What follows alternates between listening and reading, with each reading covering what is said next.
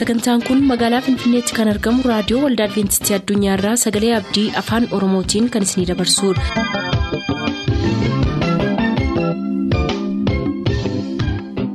harka fuuni akkam jirtu dhaggeeffattoota keenya nagaan waaqayyoo bakka jirtan hundaati isiniif haa baay'atu jechaa sagantaan nuti har'a qabannee isiniif dhiyaannu sagantaa dhuga ba'umsaaf sagalee waaqayyoo ta'a gara sagantaa dhuga ba'umsaatti haa dabarru.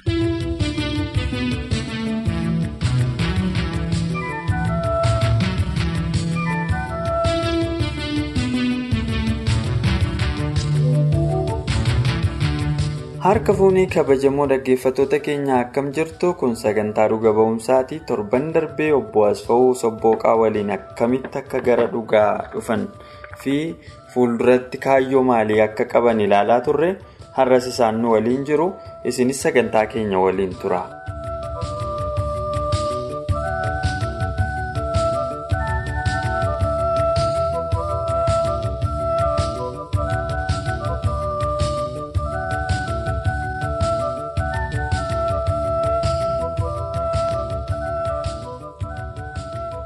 Meegaa yaada isin kaasaa turtaniif hojjetaa wangeelaa bulloonis akka carraa kunoo nu bira jiru waan kana bal'ina isaatiif yoo waan nu yaadachiisan qabaatan immoo gara isaaniittis nan darbaa mee egaa kan abbayeen keenya nu yaadachiisaa turan keessaa isin immoo kan yaadattan waan nuuf caqastan yoo qabaattanii fi gara hojjetaa wangeelaa bullootti darbeera kallattii himaan. waaqayyo guddaa goonee galateeffannaa.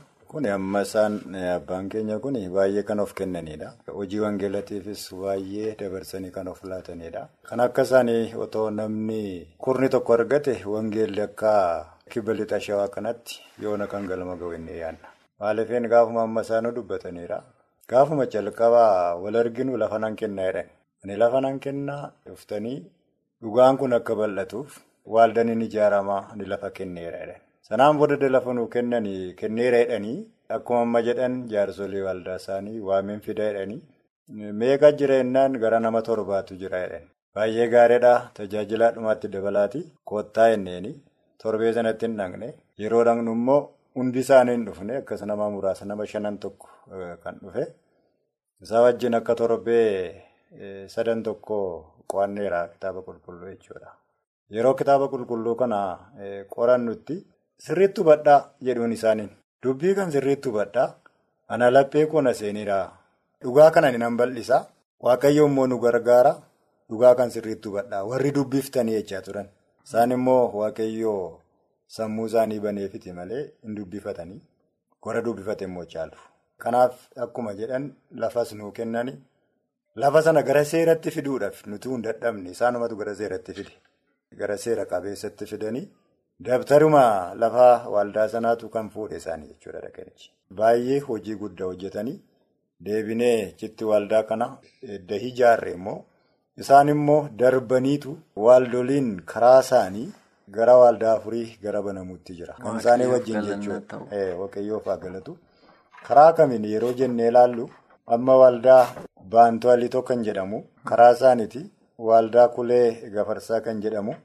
Karaa isaaniiti waldaa jidduu kaa'aa kan jedhamu karaa isaaniiti isaan kun egaa kaampaanii jennee qabanneera jechuudha amma. Isaan kun kan isaanii amma gara orgaanaayizidiitti dhufaa jira jechuudha. Kanaaf hojii isaan hojjetaa jiran baay'ee kan nama ajaa'ibsiisudha. Har'umallee waan tokko natti himaa turan. Ammas lafa namni nuu kenneera. Iddoo lamaa nuu kennaniira. Innaa gara nama. Kudha ja'aatiif ol isaan jechaa turan jechuudha. Innaa hojii waaqayyo isaanitti dhimma bahee hojjechaa jira. Kanaaf nuti naannoo sanatti waaqa gaditti namni hojjetaa wangeelaa achii qabna jenne isaan jechuudha. Kan biraa bira darbine hojjetaa wangeelaa tokko achii qabna jenne. Hojjetaa wangeelaatu amma nan hojjetu jechuudha. Kanaaf waaqayyo isaanitti dhimma bahaa jira. Waaqayyo isaan eebbisu. Maatii isaanis waaqayyo isaan eebbisu. Waan tokko wanti nuti hin dubbatin hin darbine tokko jira. Inni maa inni ilmi isaanii hojjetaa mootummaati. Garuu calqaba irratti innaa calqabu natti himanii ture isaanumti jechuudha. Oon dhaqe akkamii dubbiin kun akkamii jennaan sirriidhumaa naan jedhanii jedhanii. Dhumarratti immoo namoonni waldaa duraanii keessaa ba'an kun xinnoo dhiibbaa irratti gaggeessinaan isaan immoo deebisuu yaalee ture. macaafa Ingiliffaa qabatee natti dhufeedha.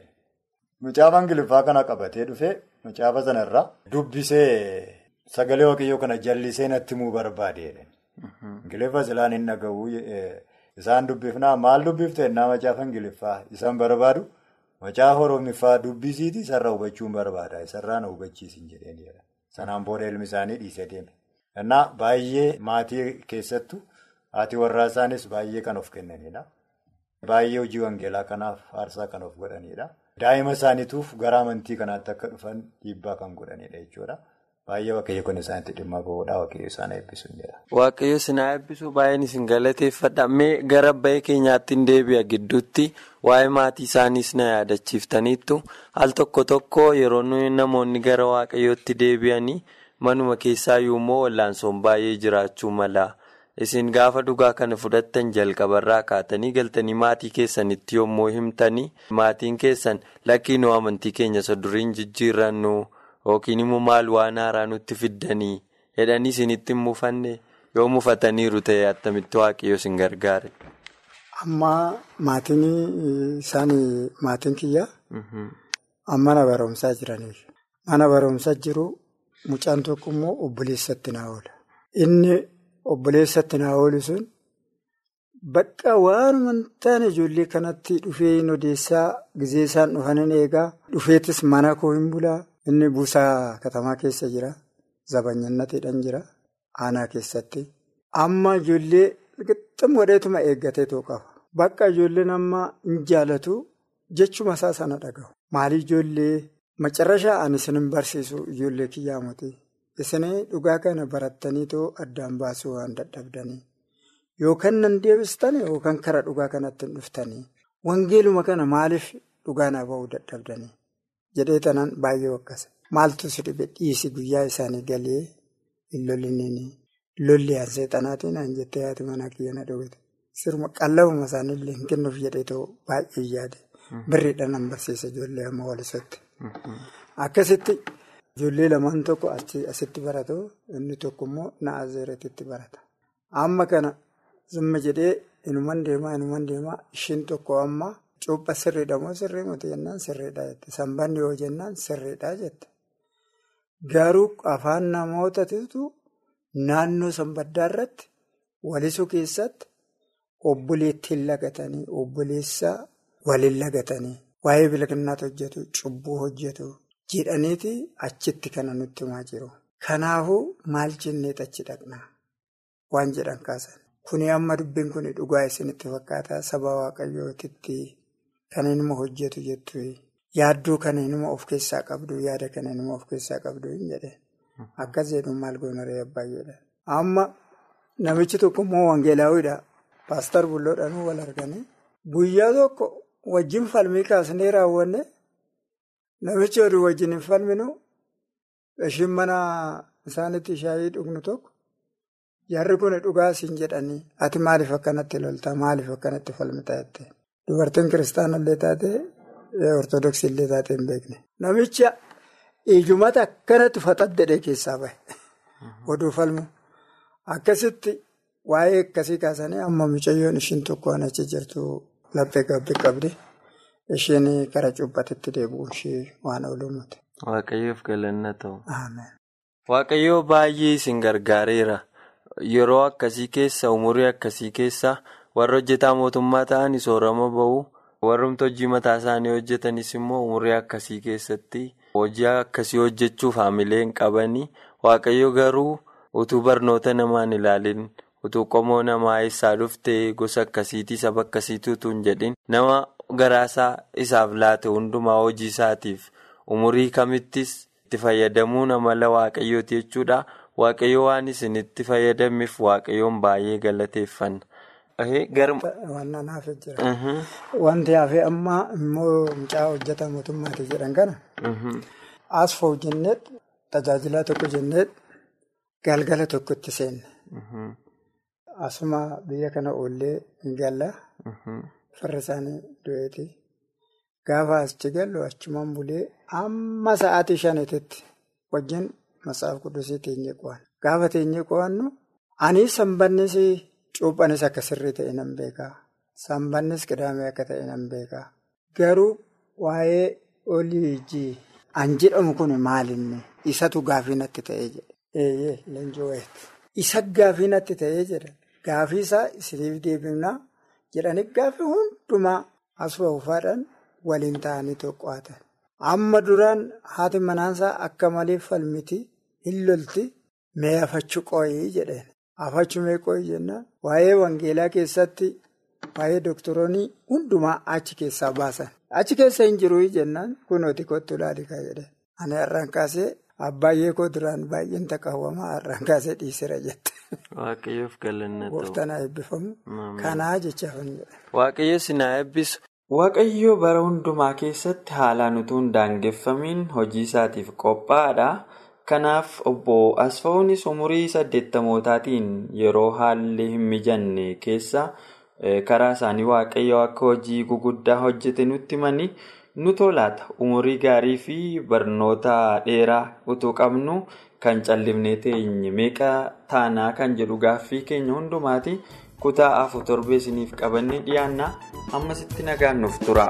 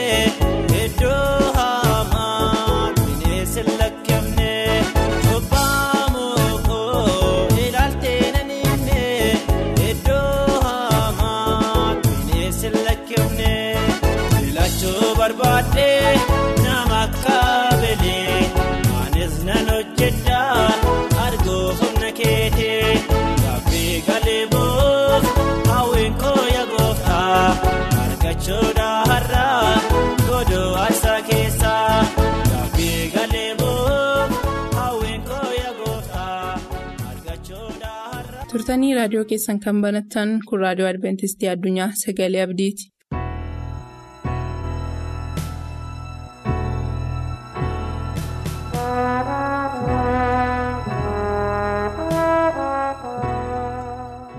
lafa jiraattan hundumaatti maqaa kiristoos yesuusiin attam jirtuun isiniin jedha har'a sagalee waaqayyoo irraa waan tokko walii wajjin hin ilaalla. Mata dureen barumsa keenyaa irraa amantii hojiitti hiikuu isa jedhu waliin ilaalla. Isaan dura garuu waaqayyoodhaan kadhanna. Si galatoonfannaa yaa waaqayyo abbaa keenyaa yeroo kana immoo jaalala kee ta'ee teessoo kee araaraa duratti nu dhiyeessuu keetiif galanni guddaan isaa maqaa keetii haa ta'u. Yaa waaqayyo abbaa yeroo kanas immoo sagalee keessa jireenyaa yerootti barannu hafuurri keenya dhugaan jireenya keenya hundumaatti akka dubbatu jireenya keenya hundumaas akka to'atu si kadhannaa ati nu gargaari maqaa kiristoos yesuusiin jedhi ameen. Dhaggeeffatoota keenya har'a sagalee waaqayyoo irraa amantii hojiitti hiikuu isa jedhu mata duree godhannee wanti ilaallu waan tokkotu hin jira ture. Namoonni waa'ee amantii yeroo baay'ee yoo ilaalan amantiin maal akka ta'e hubachuun baay'isee rakkisaa ta'e mul'ateera. Keessumaatiyyuu bara kanatti ilaalcha namoonni amantiidhaa qaban hoggaa ilaallu hiikoon inni laatamuun itti jiruun baay'ee adda adda ta'eetoo mul'ateera. Egaa amanuu jechuun amantii jechuun waan hojiitti hiikamu ta'uusaa caalumatti sagalee waaqayyoo irraa waaqayyo nu hubachiisee agarra. Kana ilaalchisee wanti sagalee waaqayyoo keessaa kaawwame oddoo tokko kan argannu yoo jiraate mee duursinee tooyi seera uumamaa boqonnaa lama lakkoofsa kudha torba walii wajjiniin dubbifanna. Innis akkana jedha waaqayyo gooftaan nama hin uume akkanas jedhee abboome jennata keessas isa kaa'ee jedha. Innis mukootii jennata keessa jiran hundumaatiin nyaadhu garuu muka isaa. yaraa fi gaarii beeksisu kanarraati hin nyaatin gaafa isarraa nyaatte gonkuma garuu du'a hin duutaa jedhe jedha dhaggeeffatoota keenyaa asirratti wanni ilaallu yoo jiraate amantiin hojiidhaan hiikamuun akkatti jiru amantiin hojiidhaan ifa ba'uun akkatti jiru waaqayyo ganaa nama uumee jennata keessa gizee kaa'e akka nama abboomee argitu. Keessumaayyuu iddoo kanatti wanti akka guddaatti ilaaluun nuuf ta'u yoo jiraate. muka kana hin nyaatin. Muka kanarraa yerootti nyaatte gonkumaa hin duutaatiin jedhe. Muka kana nyaachuu fi nyaachuu dhiisuu irratti hundaa'ee waaqayyo sagalee isaa keessatti egaa waan hojiidhaan hiikamu ilmaan namootaatii kaa'uusaa argitu. Yoo nyaatan ta'e gonkumaa akka du'an yoo dhiisan garuu du'a jalaa akka ooluu danda'an kun immoo sirrii jette jedhanii han itti walii galanii dhiisan odoo hin taane nyaachuu dhiisuudhaan han baqatan. Yookiinis immoo han hojiitti hiikanii. dhiisuun isaaniif ta'u ta'uusaa sagalee waaqayyoo addeessee ilaala. Kanaaf egaa dhaggeeffatoota keenya amanuu jechuun keessumaattiyyuu yoo hubannaan ilaalle sirriidha dhugaadha jennee an itti walii gallu bichaa odoo hin taane hangoonu yookiinis immoo han hojiidhaan raawwannu ta'eet sagalee waaqayyoo keessatti ifa ba'eetoo mul'ata gama karaa biraatiinis waaqayyoo ilmaan namootaa keessumaattiyyuu saba israa'eliin yeroo geggeessaatii ture. wanti hardii kanarratti isaan argachaatii ture keessaa inni guddaan yoo jiraate amantii hojiitti hiikuu akka ta'e sagalee waaqayyoo addeessa fakkeenyaaf saba israa'el al tokko yeroo museen isaan geggeessaatii jiraate seera lakkoofsaa boqonnaa 21 lakkoofsa ja'aatii hanga sagaliittoo ilaalle akkas ta'e ture innis seenaansaa bal'inaan yoo ilaalle sabni israa'el museen geggeeffamanii gizee adeeman karaa irratti musee irratti gungumani. musee duwwaa miti waaqayyo irrattis immoo gungumani. Yeroo kana balleessaa isaanii kana jireenya isaanii irratti deebi'anii yaaddatani yookiinis immoo haagii galani. Yerootti haagii galanii waaqayyo fuulduratti jireenya isaanii dhi'eessanii museedhaan akkas jedhan ture. Musee sirratti kaaneerraa waaqayyos gaddisiifneerraa ijaa kanaatiif waaqayyo akka nuuf dhiisu waaqayyotti jireenya keenya dhi'eessi akkasumas immoo waaqayyoon nu kadhadhu jedhanii gaafatani. Dhaggeeffatoota keenya. balleessaa isaaniitiif haagii galuu isaanii mirkaneessanii dubbataniiru. Haa ta'uutii malee yeroo kanatti waaqayyo waan tokko isaaniin jedhe. Seera lakkoofsaa 21 ja'a eegallee hoggaa ilaallu. Waaqayyoon akkas jedhee fuula musee duratti isaan dhiyeesse. Innis immoo museedhaan waaqayyo akkana jedhee jedha keessumaatiyyuu lakkoofsaa sagal buunee ilaalla. Museedhaan waaqayyo bofa fakkii. sibiila naasii irraa tolchi. Kanaan booddee akka isaan ilaaluu danda'anitti bofa sana rarraasi. Namoonni bofaan hiddaman hundinuu dhinuudhaaf gara bofa fakkii isa naasii irraa hojjetamee kana ija isaanii kaasanii yoo ilaalan dhinuu danda'u.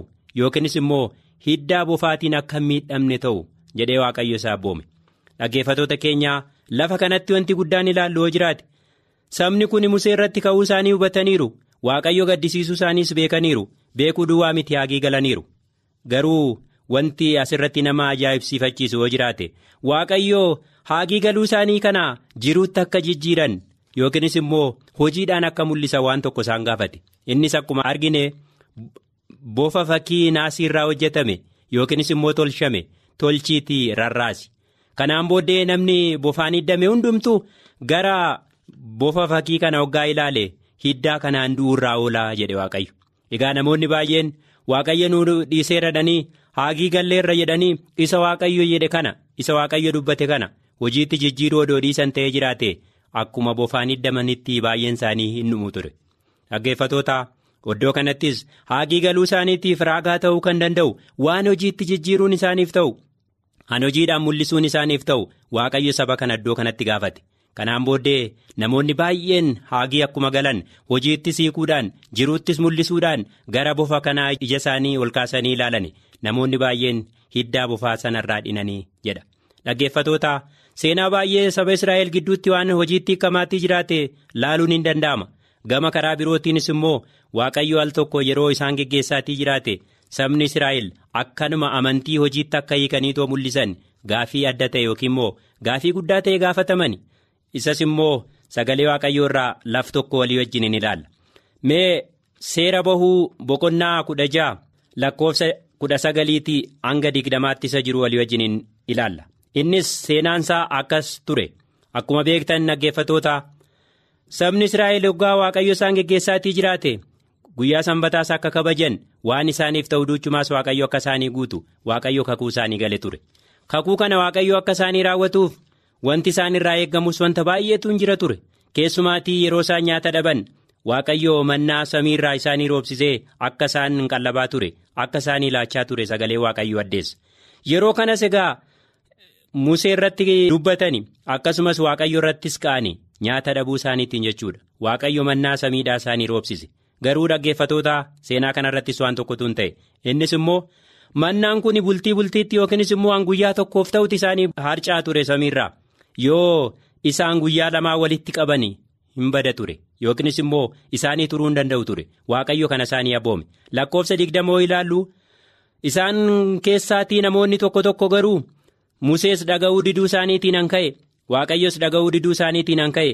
Mannaa boruuf ta'u walitti qabachuu yaalii godhaniidha dhaggeeffatoota yeroo isaan walitti qabatan isaan jalaa tortore isaan jalaa ajaa'e isaan jalaa bade jedha sagalee waaqayyo wanti iddoo kanatti hojiitti akka hiikan gaafataman waan guddaan seenaa kanarraa barannus yoo jiraate amantii hojiitti akka hiikan gaafataman waaqayyo an boruu hin kaa'in jedhe har'a duwwaadhaaf hanta walitti qabaddaa jedhame. Namoonni tokko tokko didanii hojiitti hiikuu diduu isaaniitiin an ka'e. Mannaan isaa walitti qabatan jalaa bade jedha. Dhaggeeffatoota sana duwwaa miti guyyaa sanbataas waaqayyo yeroodhuma sana waan tokko isaanii dhaame. Innis immoo mannaa kana egaa boruu sanbata waan ta'eef guyyaa sanbataatiif an isiniif ta'u hanboruuf ta'u immoo har'a walitti qabaddaa jedhee waaqayyo isaaniif dhaame. Asirrattis dhaggeeffatoota namoonni tokko tokko hojiitti hiikuu dadhabuudhaan waaqayyo fuulduratti horiisaa jala galan innis immoo akkas ta'e jedha. Keessumaatii lakkoofsa 27 yoo dubbifanne isaan keessaa tokko tokko barbaaduu gadi baaneedha garuu argachuu hin dandeenye jedha egaa guyyaa sanbataa boqotanii akka oolan isa guyyaa sanbataaf isaanii ta'u kaleessumtii walitti akka qabatan kana waaqayyo isaaniif dhaamaa ture. Isaan garuu diduudhaan fuula waaqayyoo fuulduratti guyyaa sanbataa mannaa argannadhanii manaa ba'ani. Waaqayyoo dubbateera wanta ta'eef hojiitti hiikuu dadhabuu isaaniitiin an ka'e waaqayyo isaan irratti horiisaa dubbate jedha kanaaf dhaggeeffatoota nus bara kanatti amantii keenya warra hojiitti hiikanii fuula waaqayyoo fuulduratti jiraatan taanee mul'achuu akka dandeenyu waaqayyo hunduma keenya hafuura isaatiin nu gargaaru. Ameen. sagantaa keenyatti akka gammaddan abdachaa har'aaf kan jenne xumurreerra. Bor sagantaa faarfannaa qabannee isiniif dhiyaanna beellama keessaan nu waliin godhadhaa jechaa nuuf bilbiluu kan barbaaddan lakkoofsa bilbila keenyaa. Duwwaa 11 551 1199 duwwaa 11 551 1199 nuuf barreessuu kan barbaadaniif ammoo lakkoofsa saanduqa poostaa 45 finfinnee lakkoofsa saanduqa poostaa 45 finfinnee qopheessitoonni sagalee abdii waliin ta'uun nagaatti isiniin jenna.